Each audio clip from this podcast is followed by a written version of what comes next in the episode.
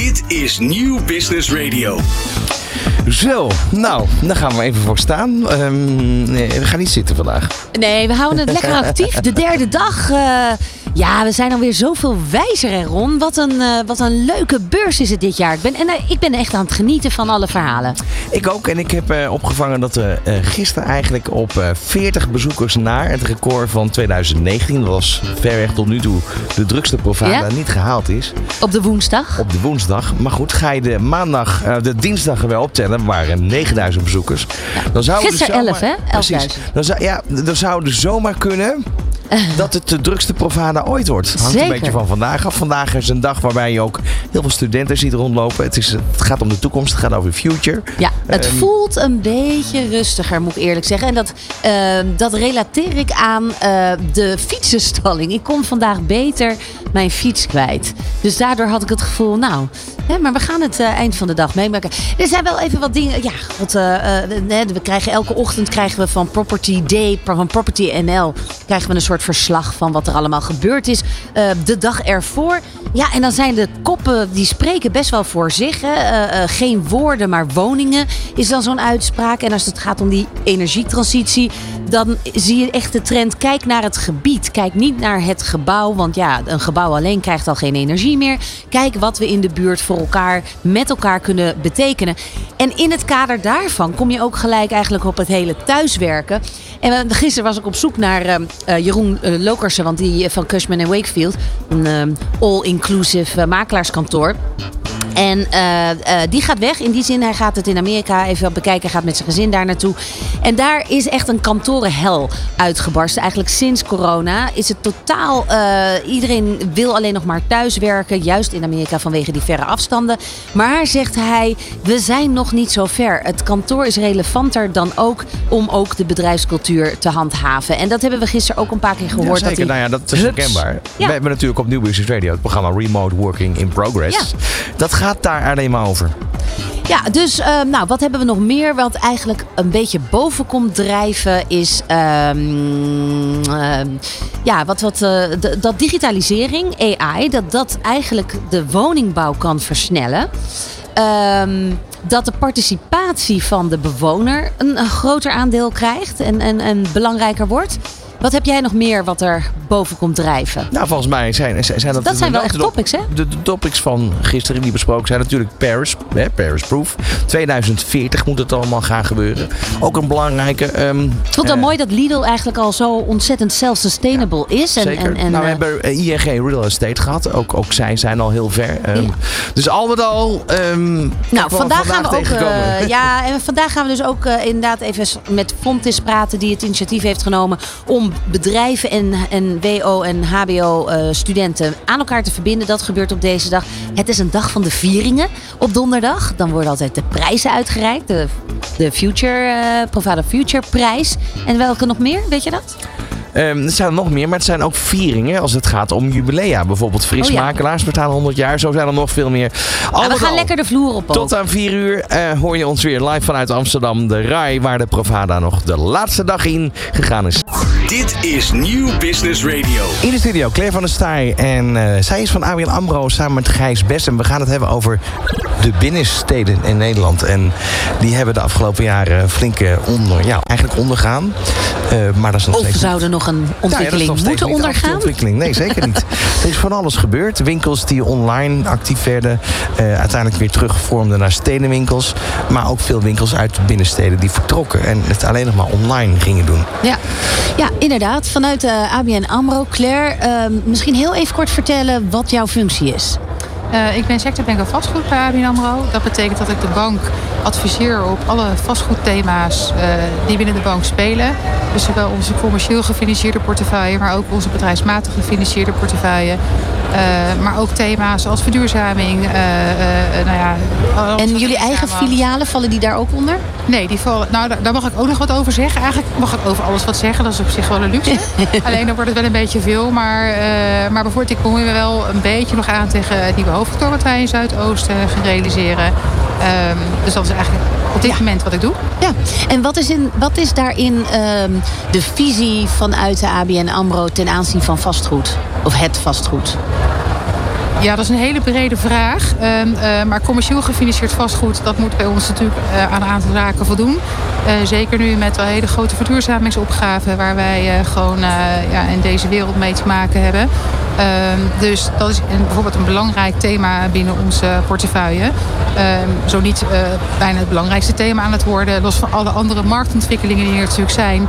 Waar we volgens mij nu vandaag het niet echt uitgebreid over gaan hebben. Dat is misschien ook maar beter ook.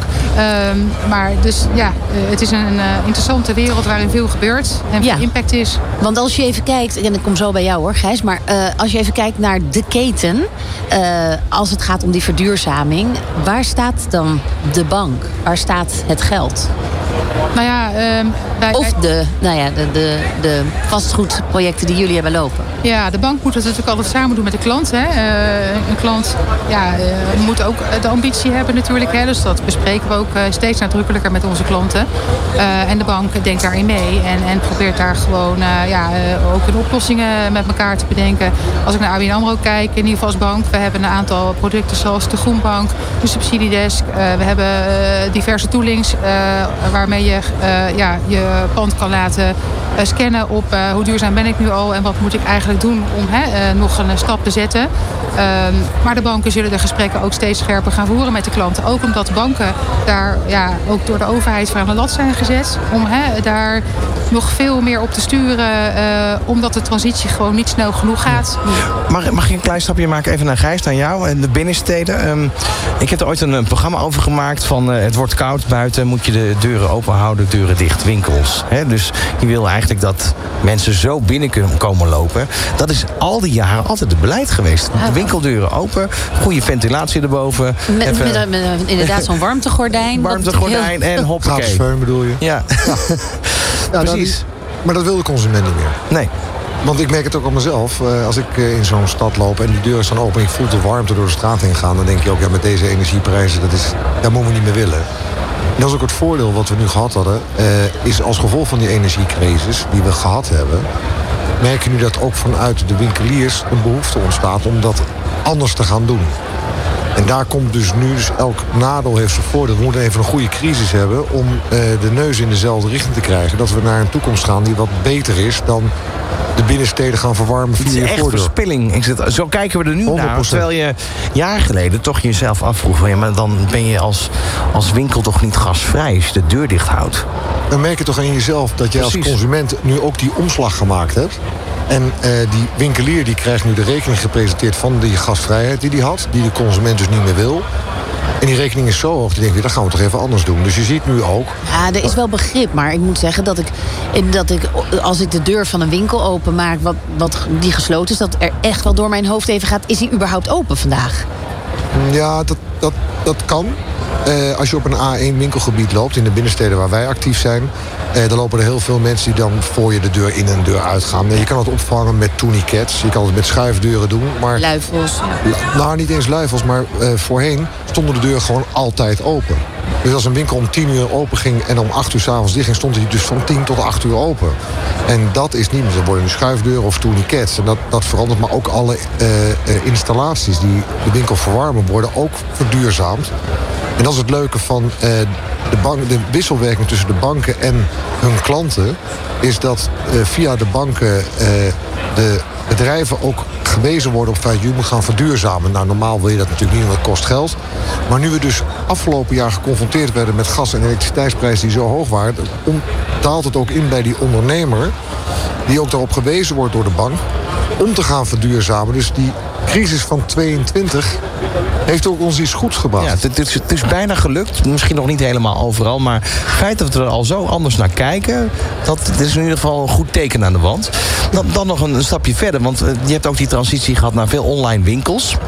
Um, maar daar lopen ze tegen grenzen aan. Hè? Want ja, je wilt toch ergens die customer experience wil je gaan brengen. Dus daardoor zie je dat veel winkelbedrijven die online begonnen zijn... met stenen winkels weer terugkomen. Um, wat, wat is daar nu het speelveld in binnenstad versus bank versus...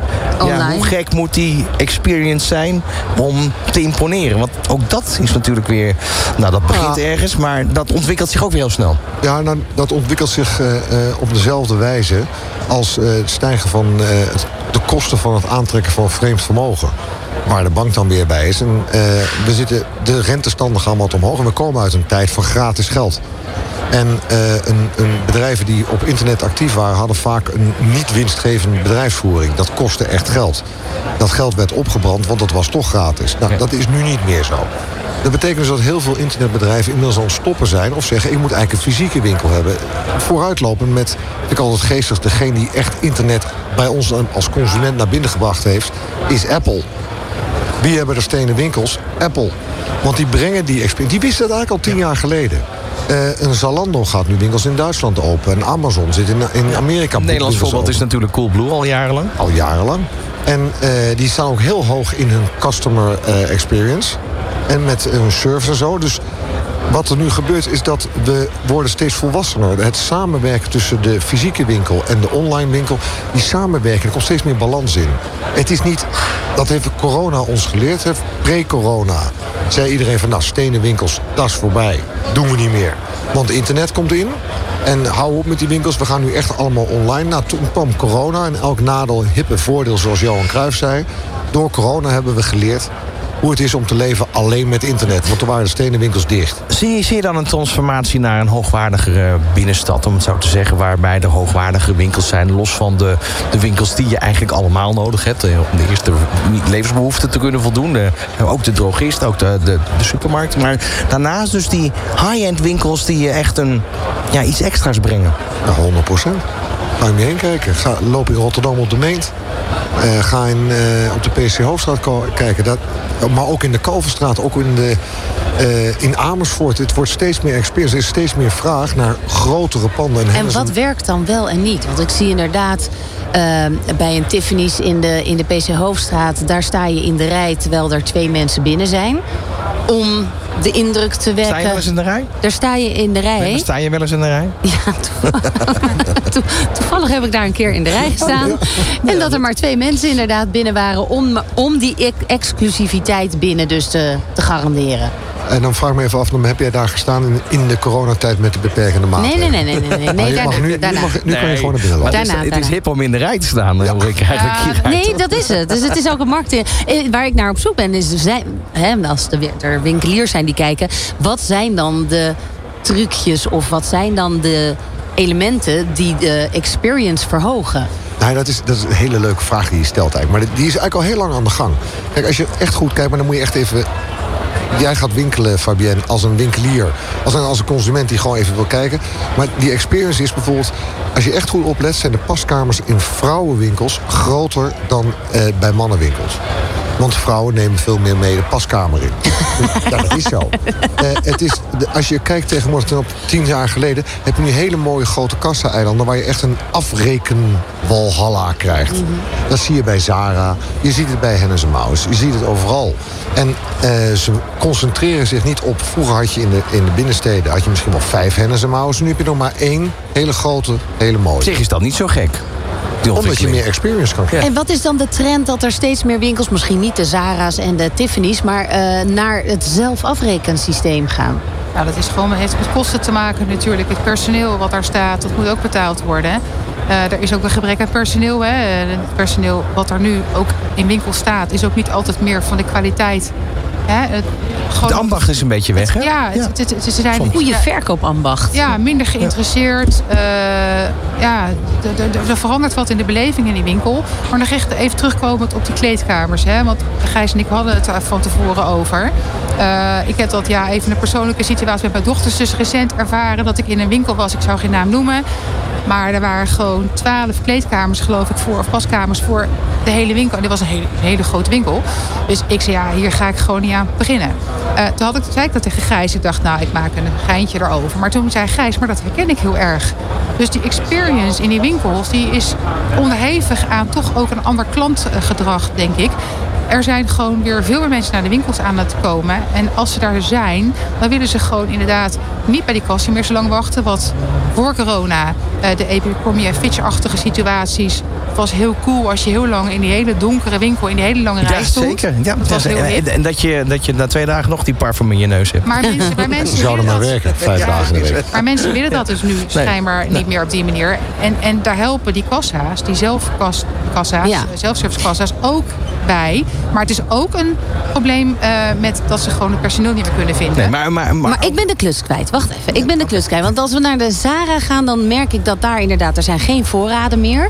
Dus ze kunnen, of ze hebben zo'n grote voorraad... dat je een half uur staat te wachten voordat iemand door dat magazijn gewandeld is... nadat het drie keer via verschillende telefoons is doorgegeven. Jij hebt het inderdaad over te weinig paskamers... Uh, voor weer het winkelend personeel. Waar moet je nou als winkel naartoe?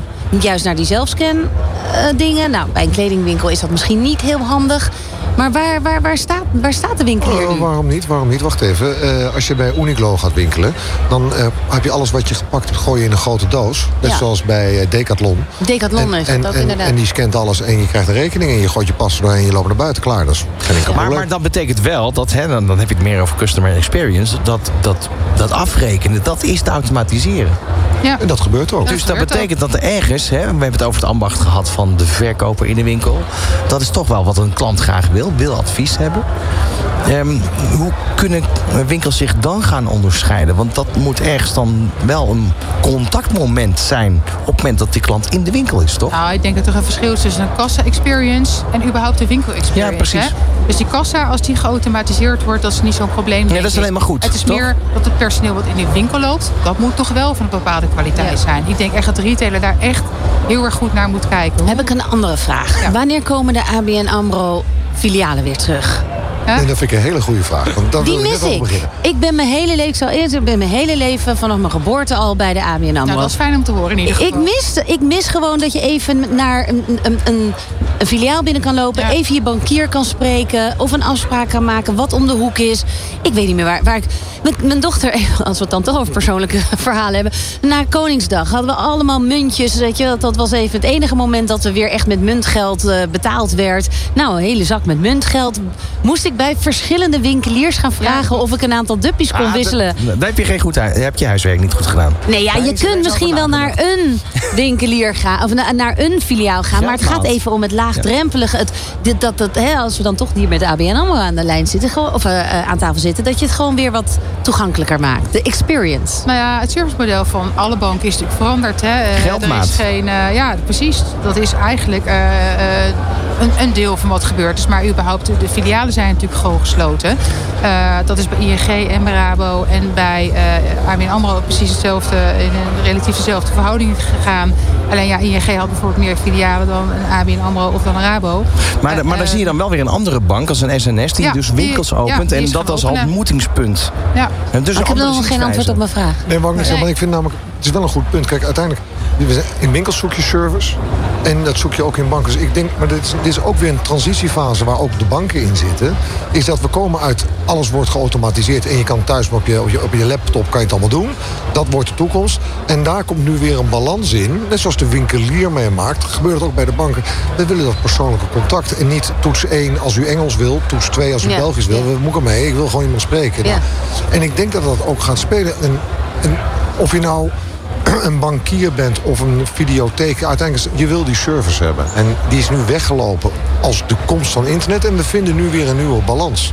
Of je nou een winkelier bent of een bankier. Dat is... ja. Even naar de binnenstad. Want we hebben vandaag uh, ook wel gehoord dat de binnenstad... Uh, nou ja, wat meer weer voor verschillende doelgroepen moet zijn. Wil dat rendabel zijn? Wil dat uh, uh, ook duurzaam interessanter zijn? Hoe kijken jullie daar tegenaan? Dus verschillende doelgroepen die weer door die binnensteden moet gaan lopen. Uh, de efficiëntie daarin, maar ook een gezamenlijke verantwoordelijkheid in de duurzaamheid daarin. Nou ja, als je kijkt naar uh, wonen boven winkels, dat vind ik dan wel een hele duidelijke. Hè, voor het, het, het, het, vermengen van functies. Uh, op een bepaald moment was een, uh, een binnenstad eigenlijk alleen nog maar een gebied waar je ging winkelen. Uh, en dan ging je weg. En dan was het s'avonds heel donker en verlaten. En wat je natuurlijk nu wel meer ziet gebeuren, en zetten gemeentes en steden ook steeds meer op in, is om die winkels, op die woningen boven die winkels weer te ontsluiten. Zodat er ook weer wat levendigheid ontstaat boven die winkels. Dat was voor de beleggers van die objecten best wel lang lastig. Hè? Want het winkelfront was heel belangrijk. En die opgang die neemt ruimte juist uit dat belangrijke winkelfront. Maar inmiddels uh, zie je er ook wel een verandering in, in denken. Hè? Uh, en, en zijn beleggers ook weer bereid om daar gewoon uh, ja, in mee te denken. Ook omdat ze daarmee wel waarde kunnen creëren. En de gemeentes zijn er ook nu iets meer op aan het inzetten. Waardoor het ook makkelijker wordt om op die manier met elkaar tot een plan te komen. Ja, dus dat is het wonen. Helemaal mee eens. Want als je kijkt even echt in de binnenstad van Amsterdam. Daar wonen alleen maar bejaarden. Mm. Daar woont helemaal geen student meer of jeugdige mensen. Dat kan ook niet, dat is niet te betalen. Het is een miljonairsenclave geworden. Als we dat weer kunnen regelen, maar dat wordt tegengehouden door de regelgeving. Als dat flexibeler wordt en de studenten die aan de UvA midden in de stad studeren... kunnen er ook wonen, dan krijg je weer een leuke doorsnee van de Nederlandse bevolking... ook wonende in de binnenstad van Amsterdam in plaats van alleen maar miljonairs. Ja. Daar ben ik een groot voorstander van. En alle beleggers zijn er ook een groot voorstander van. Meneer Hugo de Jonge zal er een voorstander van zijn. Maar we moeten even de regelgeving... Ja, precies. Regelgeving aanpassen. Nou, kijk, als jij een winkel hebt beneden van uh, het Bekalverstad... krijg je bijvoorbeeld 200.000 euro huur. Als je daar een woning boven zet, die betaalt dan misschien... zoals meneer Hugo de Jonge, dat wel 800 euro. Die meneer die daar, of mevrouw die daar woont voor 800 euro... heeft meer rechten als die winkelier beneden zijn muziek aanzet... en hij heeft klacht van boven heeft die winkel een probleem. Maar dat, dat, dat is heel herkenbaar. Dat, dat, uh, die verandering zie je ook. Hè, wat, wat betreft uh, in de binnenstad dat de jongere mensen komen wonen. Maar pa koopt het pand. En dan nou, dat kan alleen een rijke pa zijn. Ja, dus. in, in, in een horecagebied waar al 40 jaar horecabestemming op zit. En dan gaan ze klagen over het geluid. Ja, dat is toch helemaal dat, dat is, dat is voor dus de leefbaarheid van de stad. Hè, waardoor de horeca ingeperkt werd. Eigenlijk natuurlijk ook nadelig. Nou, man, en, en, nog veel erger. Er rijdt al 50 jaar een tram doorheen. En dan zeggen ze, nou, het appartement gekocht hebben. zeggen ze, wist niet dat er een tram doorheen reed. Krijgen we wat korting, hè? En, maar, en, en als we het nog even teruggaan over die binnenstad en de verduurzaming. Want de, de verhuurder, uh, voor de verhuurder betekent het ook nogal wat. Wat je aan medewerking van je huurders moet vragen. als we het hebben over die winkeliers onder andere, even los van de... Maar die winkeliers ook wel mee hoor, want die, die etages staan gewoon leeg. Daar ligt gewoon de kerstverlichting in. Uh... Hmm. Dus daar is heel veel ruimte. Hebben we ook een probleem opgelost. Ja. er is er heel veel ruimte en dat kan ook. Je kan ook heel makkelijk aan de achterkant uh, kan je dat ontsluiten. En, en, maar dan moet je wel afspreken dat er mensen zijn die bijvoorbeeld studeren in Amsterdam en uh, geld krijgen van Duo. Als ze het niet meer krijgen, moeten ze binnen 12 maanden eruit. En dan moet je zich ook uitgooien. Hm. En dat is politiek nogal moeilijk, want dat kost stemmen. Dus dat doen ze niet. Dus je begint leuk. En je eindigt met 50-jarige zogenaamde studenten daarboven die allemaal rechten hebben. Ja, dat gaat niet. Daar gaan we het probleem niet mee oplossen. Dat denk ik ook niet. Nee, dat, dat is allemaal harde maatschappij hoor, als je dat zo op die manier doet toch? Nee, dat is geen harde maatschappij. Want als jij blijft zitten, betekent dat die nieuwe student maar goed, 18 jaar er niet in kan. maar, maar Gijs, jij zegt nu wel... Uh, je, je kan toch binnen vijf jaar? Ik kan toch niet zeggen meteen, hup, nu, nu eruit? Ja, nou ja, ze weten het toch ook al vijf jaar? ja, ze, ze, kunnen er toch op, uh, okay, op voorbereiden. Maar goed, dit is, een heel, dit is een heilig huisje wat jij omschopt. Uh, is, er, is er podium voor hier op de beurs?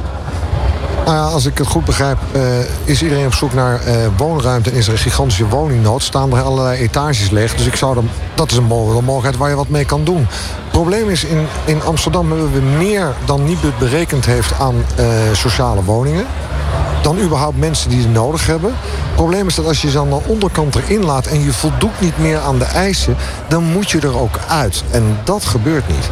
Kan de bank daar een, een, een rol in spelen in die regelgeving, verandering? Nou, dat, dat, dat denk ik niet. We kunnen niet de corporaties dwingen om, uh, om eigenlijk de lijstjes op te schonen. Want dat is eigenlijk wat Gijs zegt. Nou, wel als er een nieuwe lening afgesloten wordt. Er is veel scheef wonen.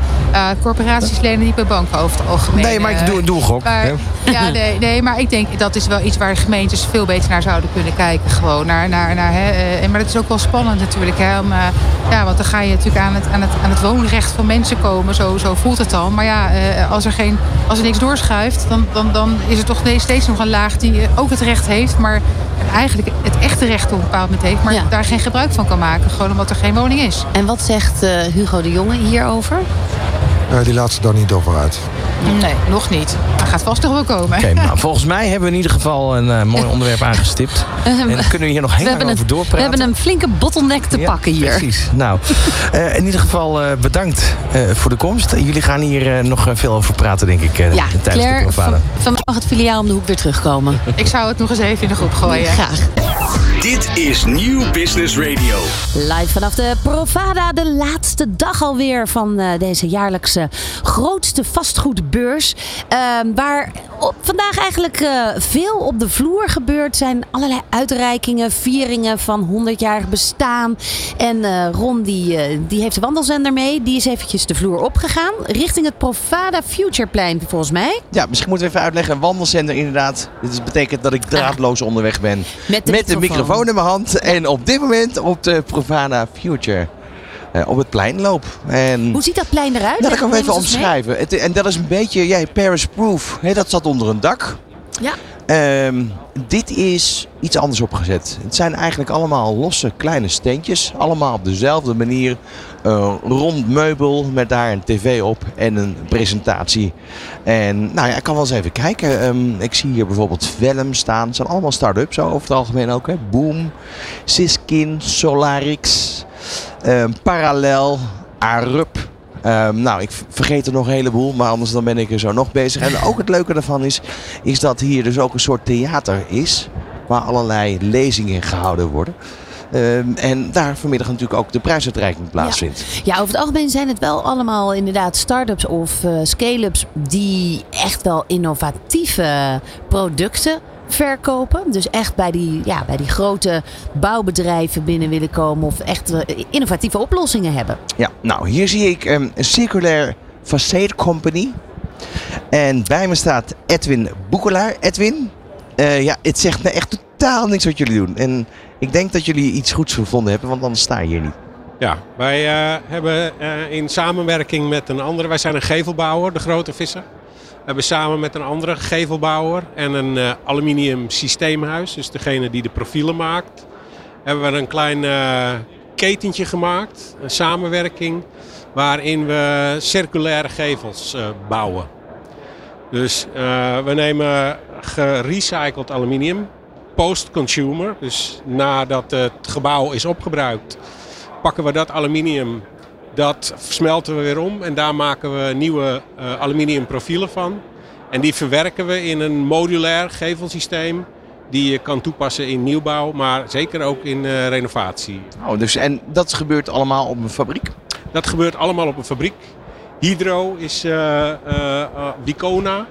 Dat is de grootste recycle, of de, de grootste plant, ik denk in Europa, misschien zelfs wereldwijd, die post-consumed aluminium verwerkt tot nieuwe profielen.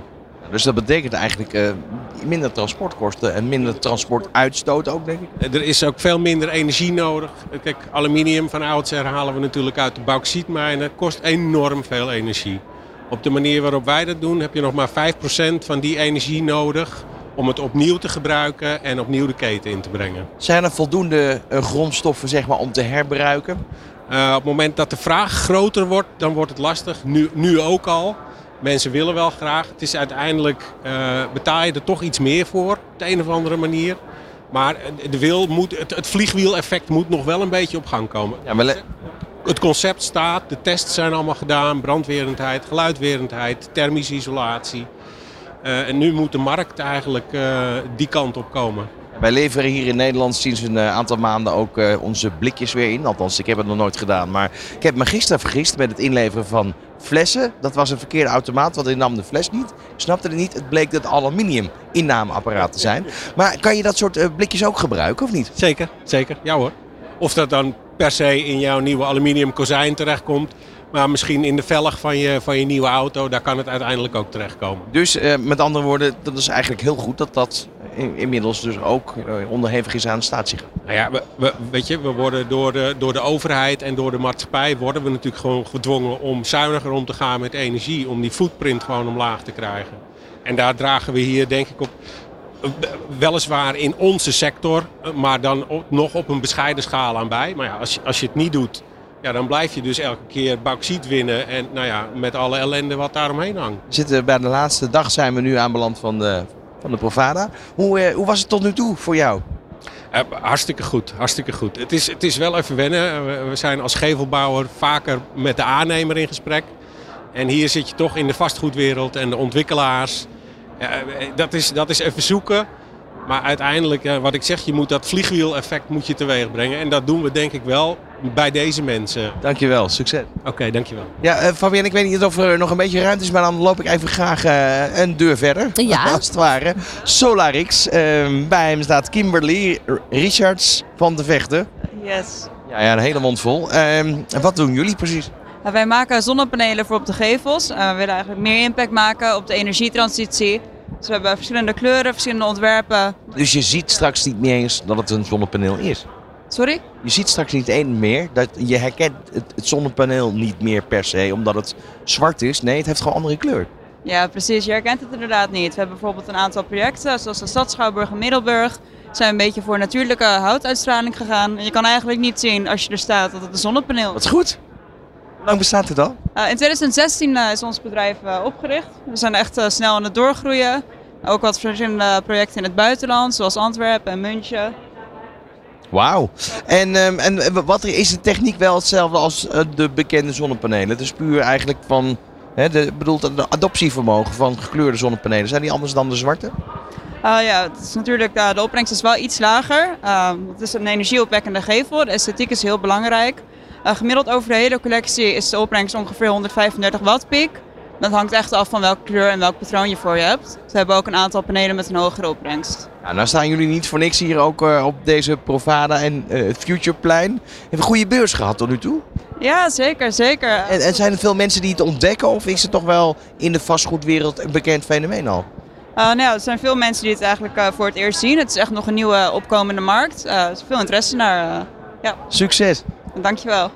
Ja, en uh, zo zijn er eigenlijk nog veel meer uh, bedrijven die hier uh, ja, zichzelf Ja, presenteren. Maar het leuke, hè? Dus, dus ja, het feit dat wij dit dus ontdekken voor het eerst. Nou ja, dat is ongeveer tegelijkertijd dus met de vastgoedbedrijven die op dit moment nog, bij wijze van spreken, grote bouwprojecten moeten gaan afbouwen. Ja. Dan zou ik misschien toch een, een plan wijzigen als het gaat om de gevel. Ik bedoel, en dat je die helemaal solar-proof kan maken. Ja, dat is te gek natuurlijk. Absoluut.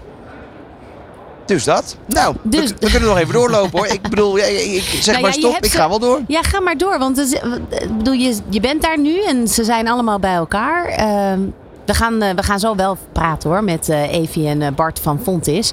Dus pak er nog één zou ik zeggen. Oké, boom. boom, ja. Boom, waar staat dat voor? Ru- Ruben, Ja, aangenaam. boom. Is het boom of boom? Nou ja, boom, boom, boom mag alle twee. We zijn helemaal op hout buien bezig gefocust. En wat wij eigenlijk doen is eh, partijen, ontwikkelaars helpen die een ambitie in hout eh buienbeest eh, najagen, maar niet weten hoe. Daar helpen we ze bij.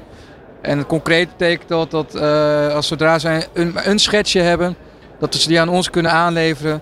En dat wij ehm, de markt die hebben we geanalyseerd, alle systematieken die je hebt, hebben we gedigitaliseerd. En dan trekken we je schets door ons model heen.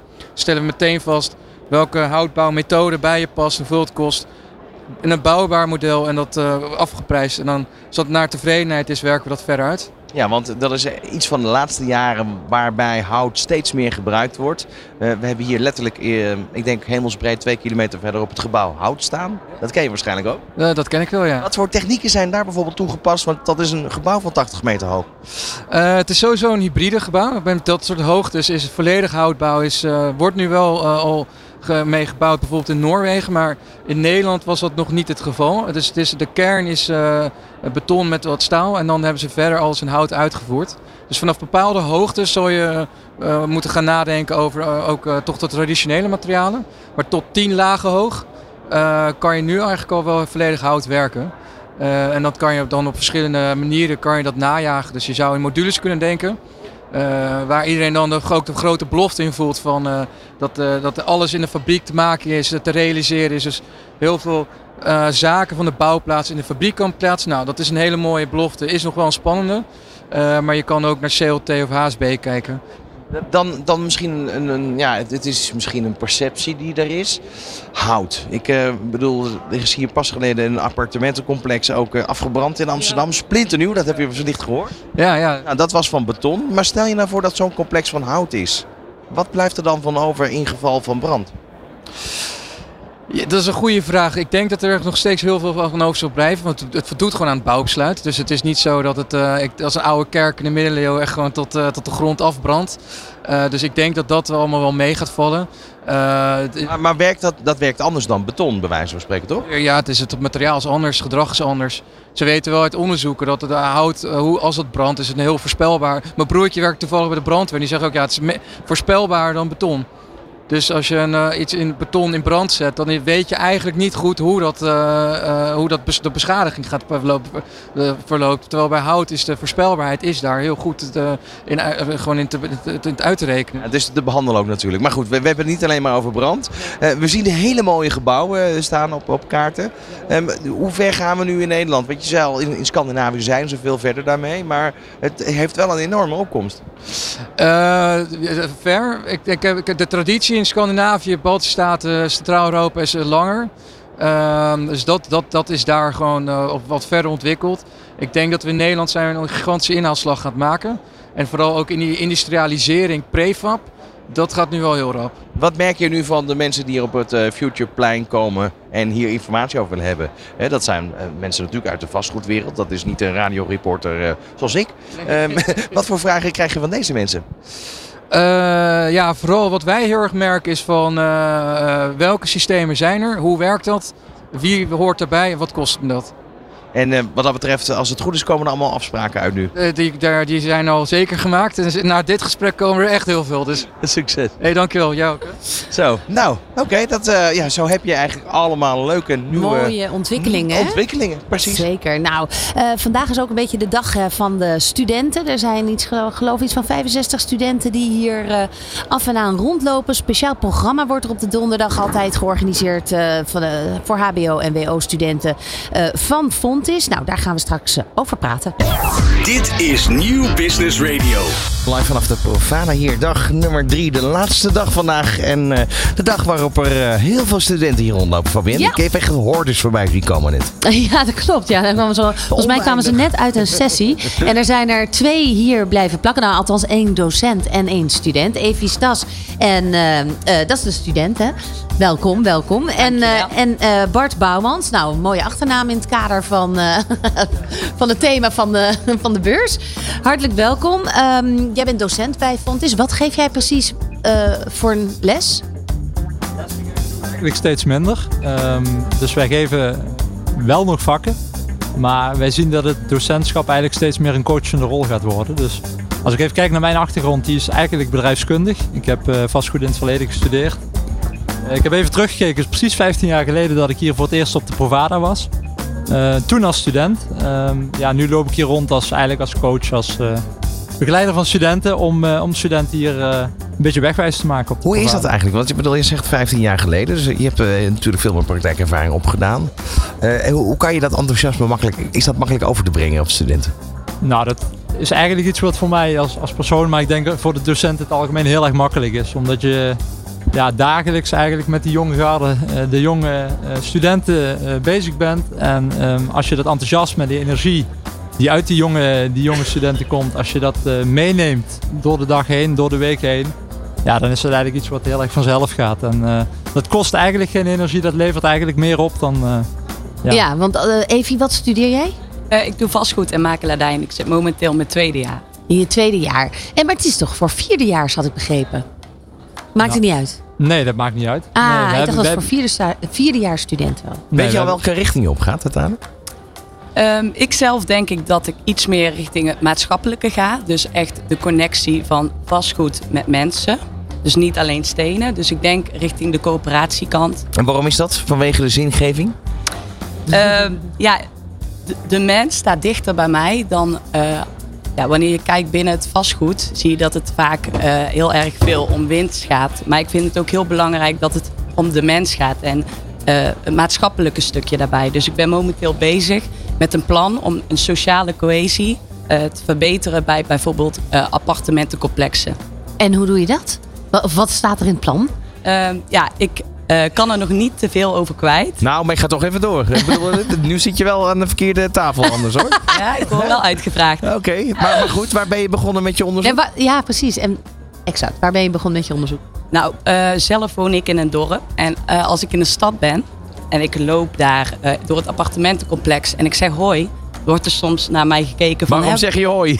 Precies dat. Dat is bijzonder eigenlijk. Toch? Dat als, je daar, als je erover nadenkt dat dat 20 jaar geleden was dat heel normaal, toch? Ja. Ja, En dat nu dacht kijken ze je raar aan. Ja. Precies. En eh, in de tijd van nu, sociale media, is iets wat natuurlijk heel erg speelt bij de jongeren. Maar eigenlijk is dat fake connectie. Dus mijn doel en visie is eigenlijk om weer echte connectie te creëren. Wat, wat doe je dan? Ja, dat is eigenlijk dus een kook-app dat je dus eh, elkaar gaat connecten.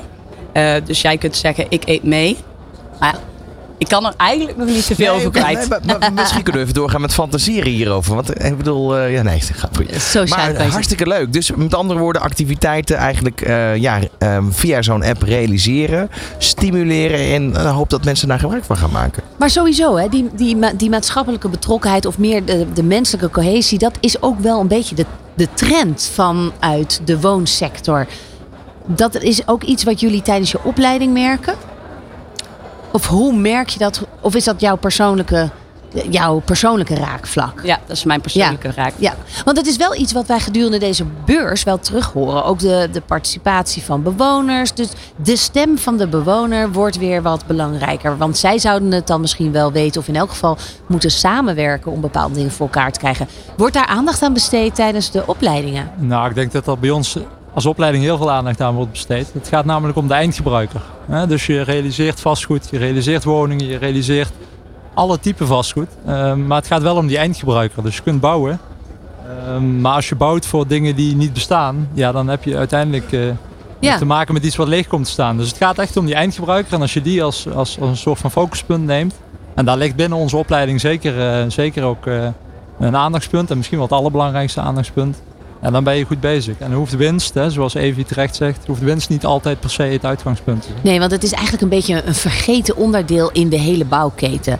En dat zie je, vind ik, dit jaar heel erg van... hé, hey, dat is wel hè, de, de mens en de bewoner moeten eigenlijk in het hele verhaal meenemen. Even over de sessie net, want jullie hebben een keynote eh, net gehad van René Boender. Nou, staat bekend als eh, de expert van eh, Gen Z. Jullie gaan allebei lachen. Was het leuk? Was het grappig? Wat was het? Nou, ik vond het wel inspirerend als ik zie hoe die man daar staat en hoe die zijn verhaal doet. En hoe die presentatie ook gewoon. Hè. Dat was eigenlijk een voorbeeld van hoe het volgens mij zou moeten. Ja, maar kan je hem nadoen? Nee, ik zou hem niet. eh, nee, ik wil hem ook helemaal niet vergelijken nee, met ik hem. maak, ik maak een grapje. Maar, maar wat, wat, wat triggert hem, of, of jou zo aan hem? Wat, wat, nou, wat, mij, dat? wat mij triggert is snelheid. Hè, wat ik wel eens merk bij ons als ik voor de klas sta, voor een groep sta, is dat studenten heel snel eh, eh, ja, afgeleid zijn eigenlijk. Hè. Ehm, even niet, maar er zijn studenten die dat, eh, die dat wel hebben. En dat ze ook met, met, met eigenlijk een strak gezicht naar je kijken. Dat je denkt, eh, wat ik vertel, komt dat wel binnen? Ja. Dat, dat verhaal? Jij, jij- jij geeft toch wel eens les ook bij de universiteit? Ja, gastcolleges. Jazeker, ja, zeker. Dus ik herken het wel een beetje. Ja. Ja. Ja, en, en, telefoon, dan, en dan probeer je interactie op gang te helpen. En zijn er nog vragen? Nee, nee, nee, nee. nee, nee. Nee, nee. Maar goed, waar ging dit over? Waar, waar ging de sessie over? Waardoor ben je, ik bedoel, los van hoe hij het presenteert. Nou, het ging over eh, Gen Z, hè, generatie Z. En eh, hoe die nu de, de macht in handen kunnen nemen. Dus eigenlijk Ja. dat de wereld open ligt voor, voor de generatie van nu.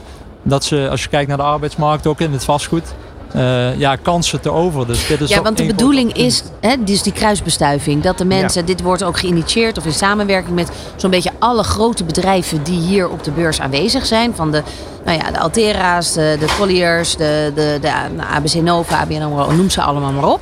Ehm, die, die, die generatie Z, geboren dus tussen 96 en 2012, die moeten het gaan doen. Ja, maar vandaar dus mijn vraag net over zingeving. Want dat is wat je heel erg terug hoort. Dat, dat Bij die generatie. die generatie niet meer zozeer alleen maar kijkt naar het inkomen. Maar ook vooral van wat draag ik bij in mijn carrière. Klopt dat eh, even? Ja, en aan de maatschappij. Ja, toch? Ja. Ja, precies dat. Ja. En het, eh, binnen Fontes ben je ook heel erg eh, vrij om jezelf te ontwikkelen eh, op je competenties. Dus wanneer jij denkt van ik wil het toch een beetje anders aanpakken, hè, want vaak is de gewone weg, je gaat stage lopen, eh, vervolgens dan kun je je afstudeerstage gaan doen. Maar binnen Fontes heb je ook de mogelijkheid om bijvoorbeeld een afstudeerstage binnen je eigen bedrijf te doen. Of een ander eindproduct te leveren dan een scriptie. Zoals bijvoorbeeld eh Bart net vertelde dat een student een eh, boek geschreven had. Ja. En dat vind ik wel mooi aan Fontes. Dat je dus gewoon daarin je ook een beetje inspraak hebt in hoe je studie eruit ziet. En, en waar jij behoefte aan hebt. Dat het een beetje eh, flexibel en aanpasbaar is. Hybride. Even nog terug naar de, naar de dag. Want deze dag wordt georganiseerd voor 65, eh zo, zoiets? Ja, 56 Of 56 studenten, ja. Ehm, we- eh, ze hebben net dus die sessie bij René Boener gehad. Wat staat er dan nu nog op het programma? Gaan ze vol de borrel in? Wat is nee, de bedoeling? Nee, nee, dat duurt nog even. Nee, ze krijgen volgens mij nu een rondleiding over de Provada, waarbij ze vier à vijf stands gaan bezoeken. En ik vind dat zelf als docent wel heel erg prettig, omdat ik merk dat studenten daarmee een drempel o- over worden geholpen. Hè. Ze kunnen gewoon aansluiten. Eh, en die drempel om naar bedrijven toe te stappen, met mensen in gesprek te raken. En eventueel stageplekken of misschien een afstudeerplek te vinden. Of misschien wel de toekomstige... eh, Heb jij dat ook gedaan in 15 jaar geleden?